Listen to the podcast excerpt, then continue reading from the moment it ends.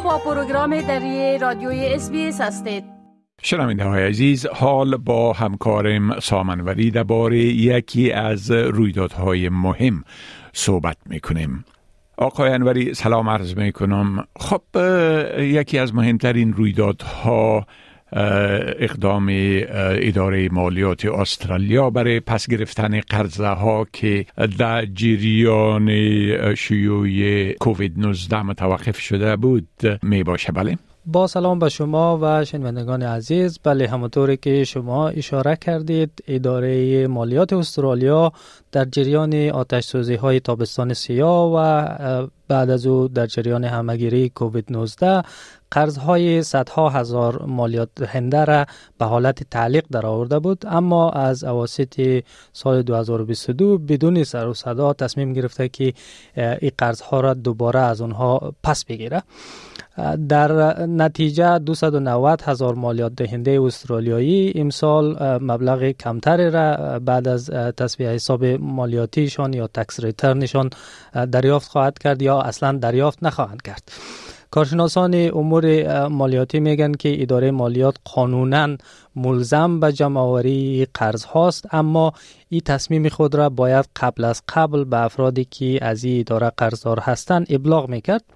اونها میگن که قرض ها از حدود چهار پنج سال پیش باقی مانده و کسر کردن اونها از پولی که مالیات دهندگان انتظار دریافتش را داشتن کار درستی نیست. اما اداره مالیات میگه که این تصمیم خود را در نامه های به برخی از مالیات دهندگان قرضدار یا حسابدار اونها فرستاده و ابلاغ کرده و با آنها گویزت کرده که قرضهای موقع اونها را از تکس نشان کسر می‌کنه اما فیل مکن رئیس گروه مالی مکن میگه که عملکرد اداره مالیات در زمینه اطلاع رسانی ضعیف بوده و باید این افراد قبل از قبل مثلا سه ماه قبل یا بیشتر از تصمیم اداره مطلع می شدن.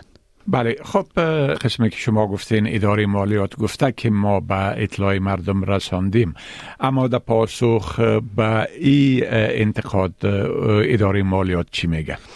خب اداره مالیات از تصمیم خود دفاع کرده و گفته که از صلاحیت قانونی برای اخذ خودکار قرضهای تاریخی از تکس ریترن افراد افراد قرضدار برخوردار است. یک سخنگوی اداره در بیانیه گفته که اونها انتظار دارند که امسال بیش از 69 هزار نفر از این طریق قرضهای معوقه خود را به کلی پرداخت کنند که ارزش مجموعیش 274 میلیون دلار برآورد شده. اما در مجموع 290 هزار نفر از اداره مالیات قرضدار هستند که ارزش مجموعی آنها یا قرض تاریخی دارند که ارزش مجموعی آنها بالغ بر 1.2 میلیارد دلار است. جیم چالمرز وزیر خزانه داری کشور هم از نحوه کارکرد اداره مالیات دفاع کرده و میگه که به باور او این اداره وظایف مهم میره که داره به نحو احسن انجام میده. بله ولی یک مسئله بسیار مهم است که شاید سوالات را پیدا کنه که ای غرزه اداره مالیات در زمان می‌گیره که مردم با مشکلات فراوان مصارف زندگی و بلند بودن مخارج زندگی روبرو هستند. بله؟ بله اداره مالیات در زمان تصمیم گرفته که قرضهای معوقه را پس بگیره که از یک سو گرانی و تورم بر مردم فشار آورده و از سوی دیگر تخفیف مالیاتی کارگران دارای درآمد و پایین و متوسط هم امسال به پایان رسیده.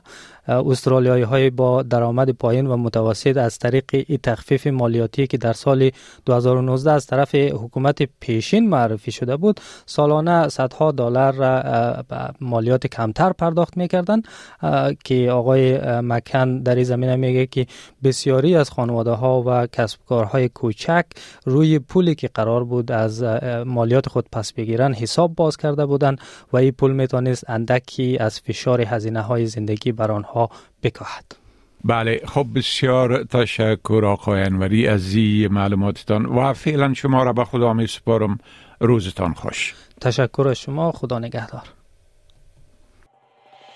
می خواهید این گناه گزارش ها را بیشتر بشنوید؟